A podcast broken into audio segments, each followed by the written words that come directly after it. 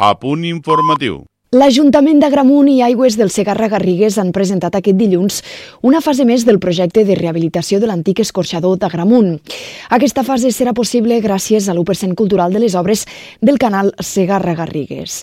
L'any 2010, el Departament de Cultura i Mitjans de Comunicació i el d'Agricultura, Alimentació i Acció Rural van signar un conveni on es va planificar un seguit d'actuacions de rehabilitació i millora del patrimoni cultural lleidatà, on estava inclòs Agramunt.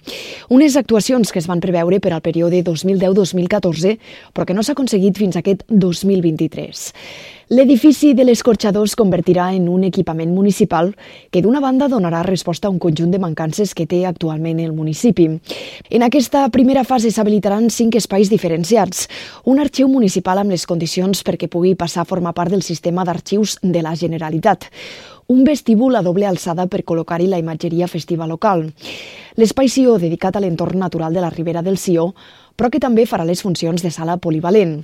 També una sala d'exposicions temporals d'uns 80 metres quadrats i un pati central a l'aire lliure. Aquest 1% cultural correspon a totes les obres que promou el govern per actuacions de conservació i intervenció en centres històrics i restauració del patrimoni arquitectònic i arqueològic, d'acord amb el que preveu la Llei de Patrimoni Cultural català. Entre els 13 projectes que havien de rebre aquest 1%, hi havia el projecte de rehabilitació de l'antic escorxador de Gramunt. També van rebre aquests ajuts la Torre Rodona de Castellnou d'Ossó a Ossó de Sió, les excavacions i la intervenció en l'edifici de serveis del Molí de l'Espígol de Tornabous, la restauració del castell de Verdú i la rehabilitació de l'antiga fàbrica Trepat de Tàrrega a l'Urgell. La Diputació de Lleida ha donat el tret de sortida per la implantació del nou servei digital de gestor d'expedients que oferirà la Diputació de Lleida a través del Departament de Noves Tecnologies. Ho farà els ajuntaments, entitats menors descentralitzades i consells comarcals de la demarcació de Lleida, l'Alt Pirineu i Aran. Seran tots aquells que encara no disposen d'eines per implantar l'administració electrònica i que podran realitzar a cost zero. L'estalvi de temps, de recursos i de presencialitat permetrà noves formes de tramitació digital, d'agilitat, de flexibilitat i de transformació per a totes les entitats locals del territori. A la vegada ajudarà a lluitar contra el despoblament. El cost estimat de la implantació són uns 230.000 euros i oscil·larà en funció del nombre d'ajuntaments que s'integrin al projecte.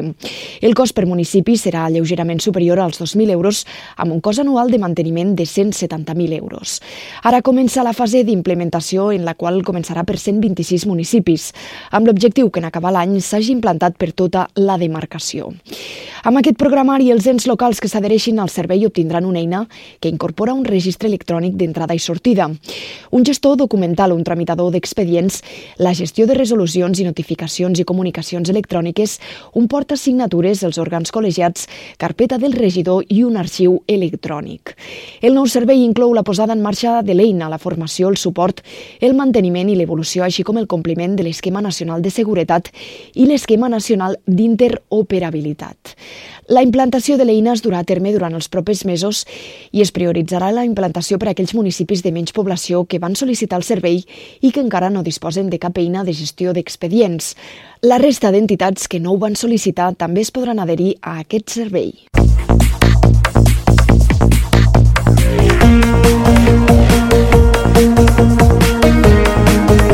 Música, informació, la millor companyia. Tot ho tens a Ràdio Tàrrega.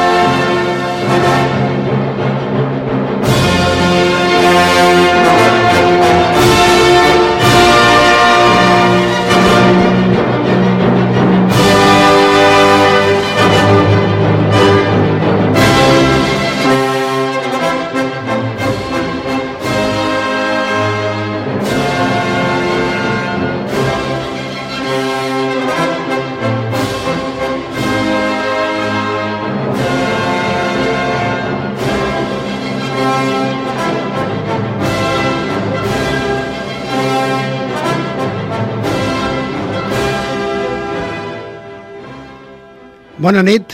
Ara és l'hora dels valents i les valentes, comença l'Ovalades i avui, pues, com heu notat, los que sou molt fans d'aquesta banda, hem començat amb la intro dels concerts de Los Suaves. Per què? Pues perquè avui fem un especial Los Suaves, una banda mítica a la qual pues, a l'Ovalades som molt fans, eh que sí, Jordi? Molt fans i potser és el grup que he vist més vegades. Jo no sé. diria que també. Mm, és curiós, no he sigut, potser no he sigut seguidor de la seva discografia, però en canvi en directe sí que Jo crec que sí que... he estat uh, allí. I com he comentat, com que fa molt temps que no fem un especial, a mi el que m'entristeix de los suaves és com han desaparegut i nosaltres, pues, amb aquest humil programa, pues, avui els hi volem fer un, un homenatge. Un homenatge que estic segur que serà de l'agrat de molts, de molts Seguidors del programa, de seguidors del programa que enyoren també anar a un concert de, de los suaves. de los suaves. Los Suaves es van formar l'any 1980 amb els germans eh, Domínguez, vale? eh, el Javier a la bateria, el Charlie a la guitarra vale? i el Jorsi a les veus i l'Àngel Ruiz al baix. Curiosament, Charlie va començar com a guitarrista eh, l'any 1981 i només amb 4 o 5 concerts per amics, allò que se fan a bars i a festes, el Jordi Tardà els hi ofereix ser teloners de los Ramones Sí, sí, sí. sí. no tenien cap cançó enregistrada ni eren coneguts al món, o sigui, eren uns complet, completament desconeguts pel públic en general. I, bueno, eh, van agradar i los Ramones, bueno, van agradar molt i los Ramones es van, els van felicitar i això els va encoratjar per eh, aconseguir gravar el seu primer llarga duració. Sí, tinc, això sí que ho sé, que ho vaig llegir, amb, hi ha l'anècdota, el logo dels, dels Suaves, que és aquella redona amb Sí, el gat sí. a dintre, està inspirat, bueno, és una mica d'homenatge al logo dels, dels Ramones, que com tothom sap és el, la redona aquella la- amb la- amb l'àguila americana, no? Ells van ficar un gat que, és, que el va dibuixar el propi Josi, Sí, i van fi, i ficar los Suaves Orense, no? però és un homenatge pues, a això, als seus primers concerts que van fer amb los Ramones, pues, van fer una mica de- de- de- de- d'homenatge als Ramones amb aquest, amb aquest logo. A més, comentar que los Ramones eh, els hi van comentar que va, havia sigut la, banda, la millor banda telonera que havien tingut Mhm. amb aquella sí, gira. Sí, sí, sí, és que... O sigui, déu nhi eh, L'any 1982 va veure la llum el primer àlbum de Los Suaves, sota el títol de Esta vida me va matar, un àlbum que no va tindre molta repercussió, però els va permetre fer molts concerts. Així va començar a treure un munt de fans gràcies als seus grans directes. En aquest primer àlbum, el Charlie es va fer càrrec del baix, ja va deixar a la guitarra, i la formació que va gravar aquell primer àlbum van ser el Javier Domínguez a la bateria, el Carlos Costoya també va tocar la bateria, el Moncho a la guitarra rítmica, l'Àngel Ruiz va deixar el baix i va agafar la guitarra solista, el Charlie al baix i el propi Josi a les veus i les guitarres. Los Suaves practiquen un rock bastant contundent amb un, unes molt bones lletres per part del Josi i aquest va ser el primer àlbum que em vaig comprar de Los Suaves, eh, allà al voltant dels any, de l'any 91 i des de llavors em vaig convertir en fan, la veritat que sí. D'aquest treball escoltarem una cançó que a mi m'agrada molt, que es titula Sin empleo.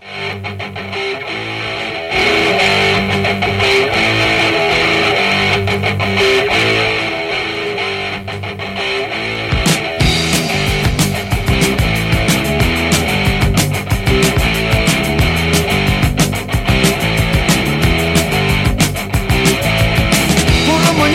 mañana llegas a la fábrica oscura y fría.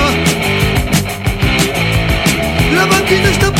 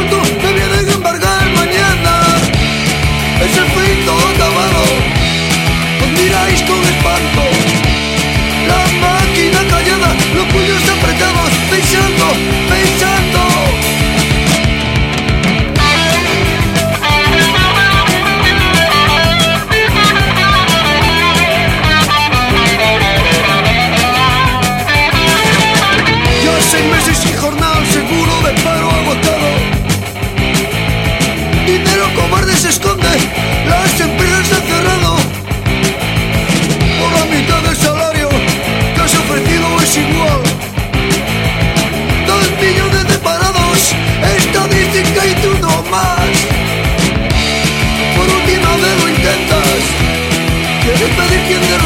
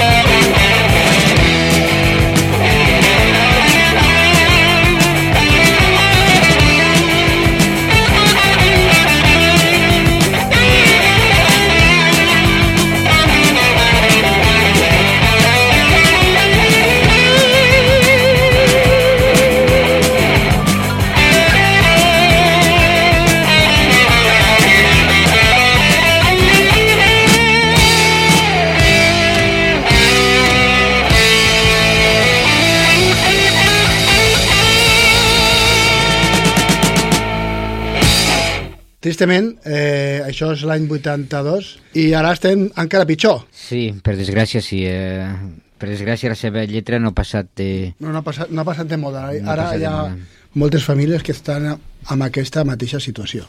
Com sempre, los suaves ficant d'actualitat Sí, les un penúries del, de la humanitat. poeta, lo, jo sí, Sí. un bon trobador d'explicar totes les... Bueno, el que passa a les grans ciutats o, o no tan grans ciutats, o ciutats més petites, a la realitat, diguéssim, com has Això dit tu. mateix, de la vida. de la vida, sí. I, bueno, ara, pues, jo ficaré un disco que li tinc molta, molt carinyo, que és Males Notícies, que és 93, i la veritat que quan me vaig comprar, pues, també em vaig parar per... per Jo el tinc en vinil, eh? I, En vinil. i vaig, bueno, està Sí, entre sí. un dels meus preferits. Sí, jo també, estava entre uns dels meus preferits. Les cançons, pues, la veritat que no són massa... Sí, Eh, malas noticias eh, por una vez en la vida, como cada noche, si te atreves a nacer, ella arruinó mi vida, bueno, són temàtica los suaves. Mm, més aviat no són cançons massa optimistes. Tret de potser Corazón de rock and roll, les de més, pues... Sí, sí. Eh, però fa, no sé, els suaves fan així, fan unes lletres, podríem dir, però que et donen energia, no, no et deixen... Això mateix, no te deixen eh, tocat i No dir... te deixen tocat, hòstia, que me merda tot. Al contrari, que eh, donen ganes de... de, de, de, de, de, de no hi ser. de no sé, de, de, venga, de, de tirar endavant, de, de no Sí, sé, en fi, sí. és una cosa... S'ha d'entendre, eh? Jo sí, sí, sí. Moltes vegades té doble significat les cançons. Sí, és veritat. Pues bueno, anem a sentir aquest LP de Males Notícies, és eh, la cançó que mm, és una de les que més m'agrada, que es diu Por una vez en la vida. Por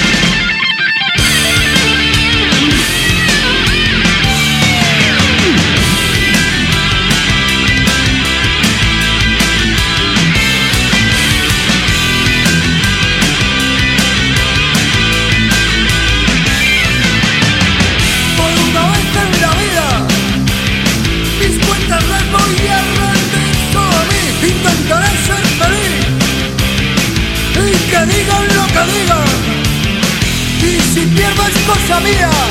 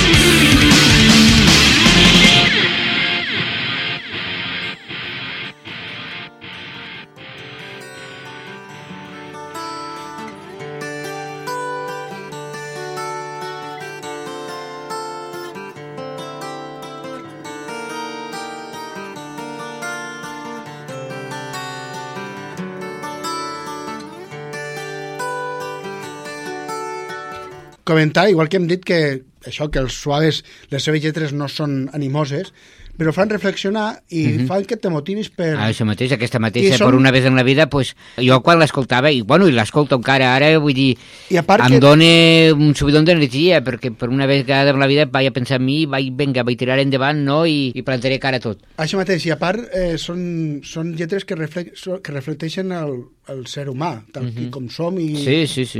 I O crec- aquesta que has ficat tu al començament, no?, sin empleo, de una realitat que es vivia i es viu. Encara avui mate- en encara més dura. Sí. Després del desastre del segon àlbum, en refereixo a l'àlbum Frankenstein, un treball de poca qualitat que no va, no va aconseguir agradar i amb una formació gairebé estable vale? van gravar Ese dia piensa en mi. Editat l'any 1988, o sigui, quatre anys després de Frankenstein, no vol dir que els suaves van estar parats, sinó simplement van estar tocant i tocant i tocant, uh -huh. que és el que més els hi agrada. Sí, sí, és un conjunt de directes, això, Sí, sí. sense cap dubte. I abans he dit que era estable perquè als inicis los suaves sempre han tingut problemes amb la persona que ocupava la bateria. El line- line-up de, que va gravar aquest àlbum van ser el Josi eh, veu i guitarra, Charlie al baix, el Hermes Alago a la guitarra solista, el Moncho a la guitarra rítmica i Alejandro Cano va col·laborar a les bateries.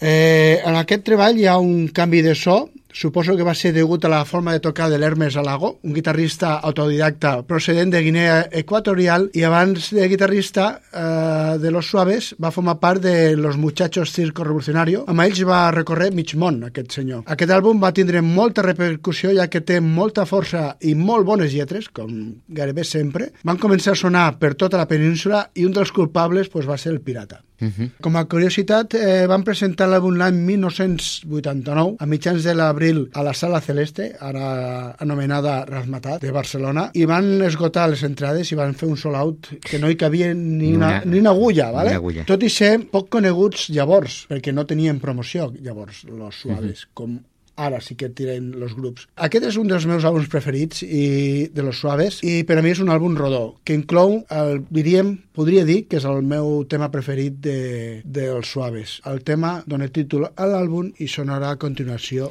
Ese dia piensa en mi. Ese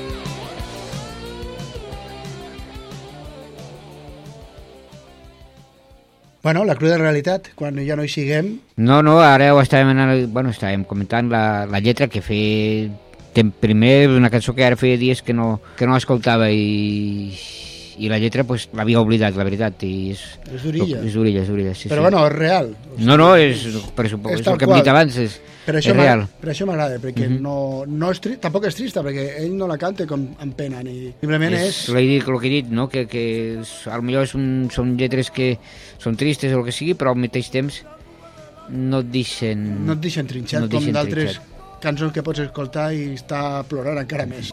Digue, digue. Com, no, no, com aquesta que ara porto, que és una de les cançons que més m'agrada, bueno, una, una de moltes que Sí, més, perquè... que més m'agraden dels suaves, que també hi ha aquesta lletra que és una mica així contradictòria, no? que és del disco San Francisco Express del 97, jo no sé els datos com tu, de qui havia de guitarrista, qui havia de manager, però jo, bueno, Jo, sí, jo t'ho dic, els que hi havia a la formació. Estava el, el Charlie al baix, el Josi a la veu i a, les guitarra, i a la guitarra, el Moncho estava a la guitarra rítmica, el Alberto Cereijo estava al, a, la guitarra solis, a la guitarra solista i el Gelo estava Sí. a la bateria. pues bueno, veus, hi ha, hi ha cançons que més m'agraden d'aquest àlbum Presupuesto i, i de la discografia dels Suaves és Preparados para el Rock and Roll que té una lletra, com he dit abans, que és així contradictòria, perquè diu dime si alguna vez no has sentido que ya todo está perdido y no puedes seguir, que estás solo y todo se ha ido. Aquí estoy preparado para el rock and roll. Què vol dir això? Que, bueno, Pues encara que- que està així d'això, però té el rock and roll que li dona Energia per energia, continuar. no? I, bueno, és una de les... És, a més, les que últimament obrien els concerts Sí. Bueno, a part de primer el Frank Sí. Lis amb, la, amb los preludios i després l'acte seguit ja començaven amb Preparados para el rock and roll, no? Sí, senyor. Pues venga, anem a sentir Preparados para el rock and roll.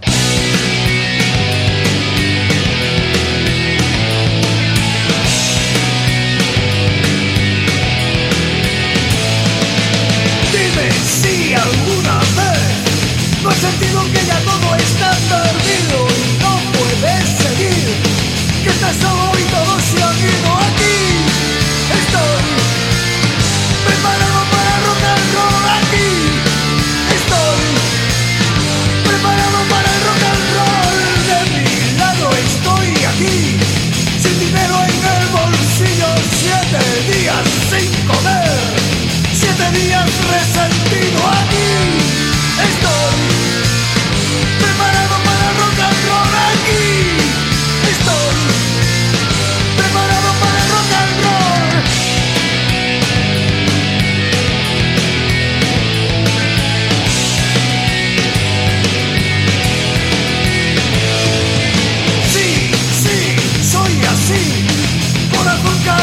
Caliente, viento frío,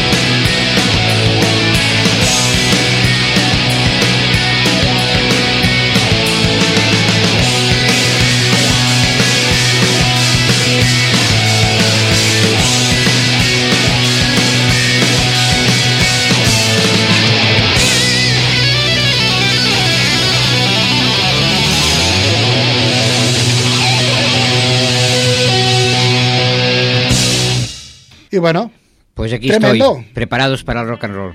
i bueno, comentar-vos que jo la primera vegada que vaig anar a la Celeste va ser va ser eh, que vaig anar a veure Los Suaves Mhm. i és curiós perquè davant de lo que és ara la Razmataz no hi havia el que hi ha, hi havia un edifici vell i amb una de les persia, persianes vale? com de locals i d'això hi havia una pintada amb una, amb una d'això que ficava sempre suaves vale? i el gat dibuixat Hòstia. Vale? i se'm va quedar gravat perquè em sembla que amb algun disco aquella foto va sortir vale? Eh, i era pues, una persiana vella vale? d'aquestes sí, sí. de ferro i I va ficar sempre suaves. sempre suaves, ¿vale? i ja era una pintada antiga, o sigui, ja, ja era vella. I bueno, estem al 92.3 a eh, Radio Tàrrega. Eh, si voleu tornar a escoltar aquest programa, el podeu tornar a escoltar el diumenge a les 10.05, fem la reemissió, i si no podreu esperar, pues, el dijous ja penjarem el podcast del programa. I bueno, Bé, arriba l'hora de tornar a entrar a l'estudi per gravar un nou àlbum i resulta que l'Hermes Alago està desaparegut. I per què està desaparegut? Això es va saber temps després, us faré un breu resum. Com he dit abans, eh, l'Hermes era de Guinea Equatorial, estava casat aquí a Espanya, es va divorciar la, i li va caducar el visat i el govern d'Espanya el va expulsar d'Espanya i a part ja aquest senyor va començar a tindre problemes de, a les articulacions. Va, va tindre que marxar del país, el van deportar i va morir l'any 2003 Ostres. vale? jove, degut a la seva enfermetat que patia. Una cosa molt trista i és algo que, tristament, com deia el Charlie, és una cosa que, que li pega als suaves, ja que parlen de tristesa i d'això, és, és una cosa... Igual que aquest final sense final de banda, que també és trist perquè no, no, no l'hem tingut, com Déu mane, no? Sí, raó. Així que decideixen que l'Alberto Cereijo, amic de la banda i qui va col·laborar a, l'anterior disco, a Esta vida, ese día piensa en mí, en el tema No puedo dejar el rock, va ser formar part de Los Suaves. I així, després d'editar Suaves la noche, el primer directe de la banda, entren a l'estudi l'any 1991. Va veure la llum eh, Maldita sea mi suerte. Eh, aquesta vegada amb l'Àngel eh, Barrio, a la bateria, jo que va deixaria l'any 2002. Amb l'entrada de l'Alberto Cereijo, los suaves modernitzen el seu so, sonen molt més potents i una mica més heavies, i les lletres, com sempre, genials. Va néixer com a doble àlbum, degut a, a la llarga duració d'alguns dels temes, un d'ells, el que, esti, que porta per nom La noche se muere, que té una duració de 19 minuts 38 segons, i on, la, on participen els següents guitarristes.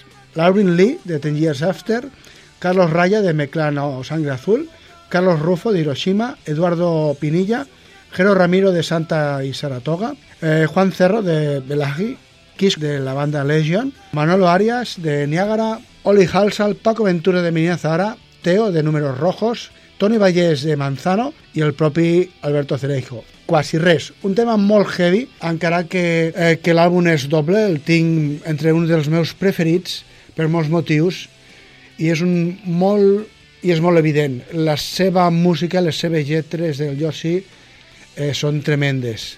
Com aquest tema que van anomenar Pobre Sara. Sara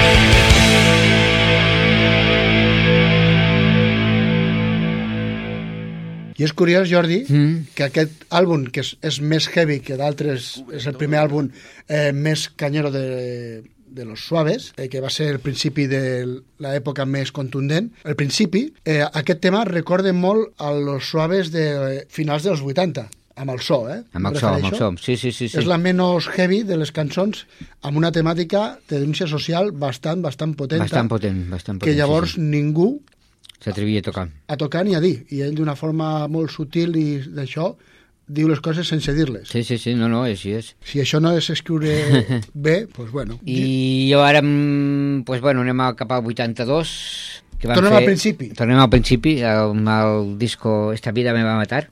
Sol el títol i aquest ja del Sí. disco ja està bé. Una cançó que és també una meravella de, de, de, mm, un dia de rutina, pues un dia de rutina qualsevol de, de, Sí. de què pot passar, no? De, si al cine havia el, al cine havia el neorealisme italià que diuen que és pues, pues, eh, que era lo, la cruda realitat després de la guerra, no? Lo, lo que era sobreviure, lo que era mm, pff, viure amb sempre cada dia el mateix i sense esperança i sense res que pugui tornar a canviar pues bueno, això seria pues, una mica, aquesta cançó seria una mica un real, neorealisme a, aplicat a la, a, la, a la música, no? o a la lletra, jo què sé com dir. Sí. Estic parlant de la cançó sempre igual. No sé si ara ja la tocaven en directe Sí que la últimament, tocaven, si la sí. tocaven, no? Pues és un, una cançó que si l'escolteu i si la recordeu, pues bueno, ja veureu que és una passada. Vinga, va, anem a sentir sempre igual.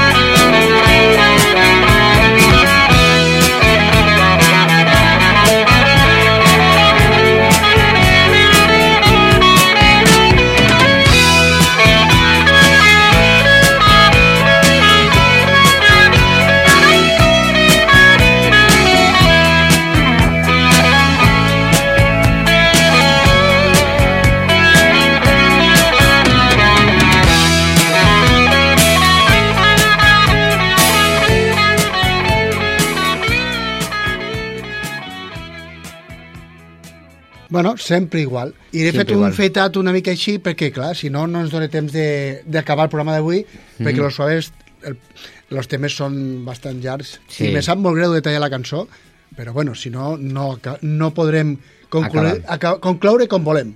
I bueno, eh, l'any 2003 los Suaves van editar Si jo fuera Dios, un gran treball que personalment està una mica oblidat pels fans, crec jo, un àlbum molt superior a la víspera de Todos los Santos, que es va editar l'any 2000, i una continuació del San Francisco Express, que es va editar l'any 1997. eh, en aquest treball crec que el Yossi estava, va estar sublime i la banda ens ofereix una versió més potenta de Los Suaves amb un Alberto Cereijo desatat, la veritat. En aquest àlbum la formació va canviar, el Moncho i el Gelo van deixar la formació i el seu lloc el van ocupar el Fernando Calvo a la guitarra i el Tino Mojón a la bateria. Aquest canvi de formació es nota molt en aquest treball. Ho podríem comparar a lo que va succeir amb Maldito sea mi suerte quan va arribar el Gelo i el, Que va canviar, i el Cereijo. sí. Eh, llàstima que aquesta formació pues, només van, van gravar dos àlbums més. D'aquest gran àlbum escoltarem el tema que s'anomena Viejo. Viejo,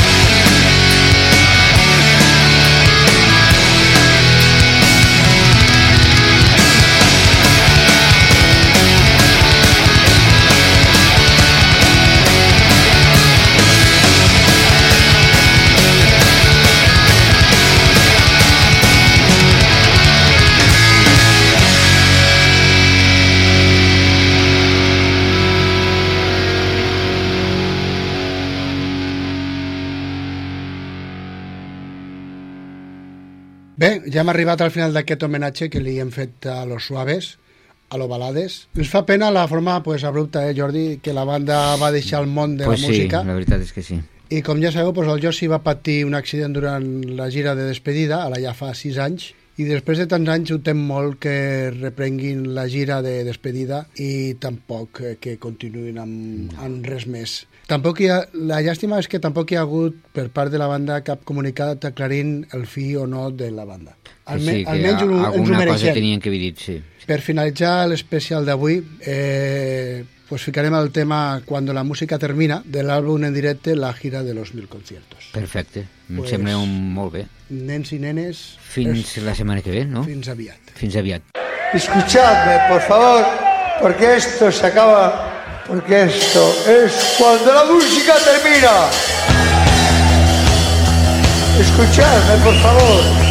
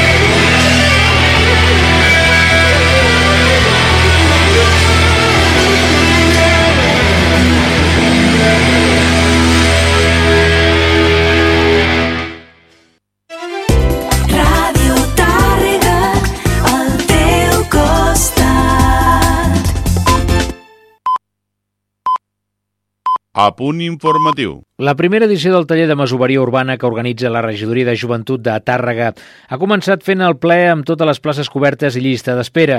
El passat dissabte 1 d'abril va tenir lloc la primera sessió de l'activitat adreçada al públic jove major de 18 anys. Aquesta iniciativa vol oferir nocions bàsiques de palateria, electricitat, jardineria, fusteria o seguretat a la llar, per tal de donar eines a les persones assistents per realitzar el manteniment bàsic de la llar. El regidor de Joventut, Xavier Rosell Aparicio, afirmava que estan sorpresos per la bona resposta que ha tingut el taller, ja que hi ha una llarga llista d'espera. Tant és així que no descarten des de l'Ajuntament oferir una segona edició per satisfer aquesta demanda. En total s'oferiran 8 sessions els dies 1 i 15 d'abril, 6, 20 i 27 de maig, 3, 10 i 17 de juny, de 10 del matí a 1 del migdia, a l'oficina jove al carrer de la Solana 6 de Tàrrega.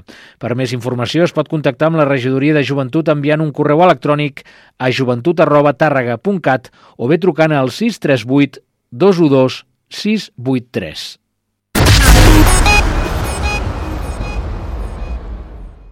Laia Requesens serà la candidata de l'alcaldia de la CUP per Tàrrega a les eleccions del 28 de maig. Ahir a la tarda es presentava públicament part de la llista electoral amb què la candidatura independentista concorrerà als propers comicis municipals. L'Assemblea de la CUP de Tàrrega ha avançat les cinc primeres persones amb què vol reforçar i multiplicar la seva representativitat a l'Ajuntament i s'erigeix amb la voluntat de sumar esforços per posicionar-se com un actor decisiu en la propera legislatura. La mateixa Laia Requesens presentava els altres quatre membres que encapçalen la llista de la CUP. Per les pròximes eleccions presentarem una llista completament renovada, però comptant amb l'experiència ja adquirida durant aquests quatre anys i, i els quatre anys de, de l'oposició. Els nostres objectius, bé, el nostre programa ja l'hem estructurat amb, amb sis principals eixos, que ara desenvoluparem a través d'assemblees obertes i, i assemblees participatives amb, amb tota la candidatura, que, que són els feminismes, els drets socials, l'economia social, els serveis públics, la cultura i la sostenibilitat. Els cinc noms primers, eh, de la, la segona persona és el Miquel Nadal, llicenciada en Ciències Polítiques per la, per la Universitat Autònoma i ara està fent el màster de, de, de secundària. Després la tercera és la Teresa Arbonés, que és enginyera agrònoma i professora a l'Institut Costa Freda també. Com a quart portem el Daniel Esquer, actual regidor de Finances, i la cinquena persona és el Felip Serra, que és graduat a MADE i que està treballant molt en temes sobretot de sostenibilitat i de transició energètica. Més enllà de les persones, els candidats i candidates han posat en valor el propi projecte de ciutat que la CUP planteja. Una ciutat que prioritzi el benestar i la cohesió social davant dels interessos purament econòmics o particulars. Laia Requesens Elias, la cap de llista, va néixer al Tet l'any 1996, poble del municipi de Tàrrega, on actualment resideix. Va estudiar primària a l'Escola Jacint Verdaguer de Tàrrega per posteriorment cursar ESO i batxillerat a l'Institut d'Alfons Costafreda, també de la capital de l'Urgell. És graduada en periodisme, amb menció de Ciències Polítiques i de l'Administració per la Universitat Pompeu Fabra de Barcelona i compta amb el màster d'Estudis de Gènere i Polítiques d'Igualtat de la Universitat de Lleida. Des de l'any 2021 és regidora de Serveis Municipals, Mobilitat i Medi Ambient a l'Ajuntament de Tàrrega.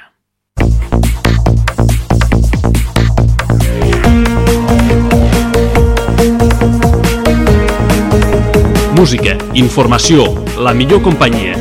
Tot ho tens a Ràdio Tàrrega.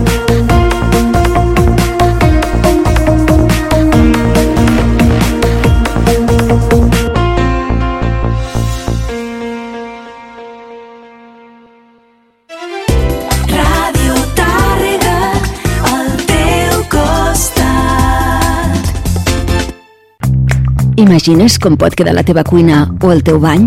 Vols tindre una primera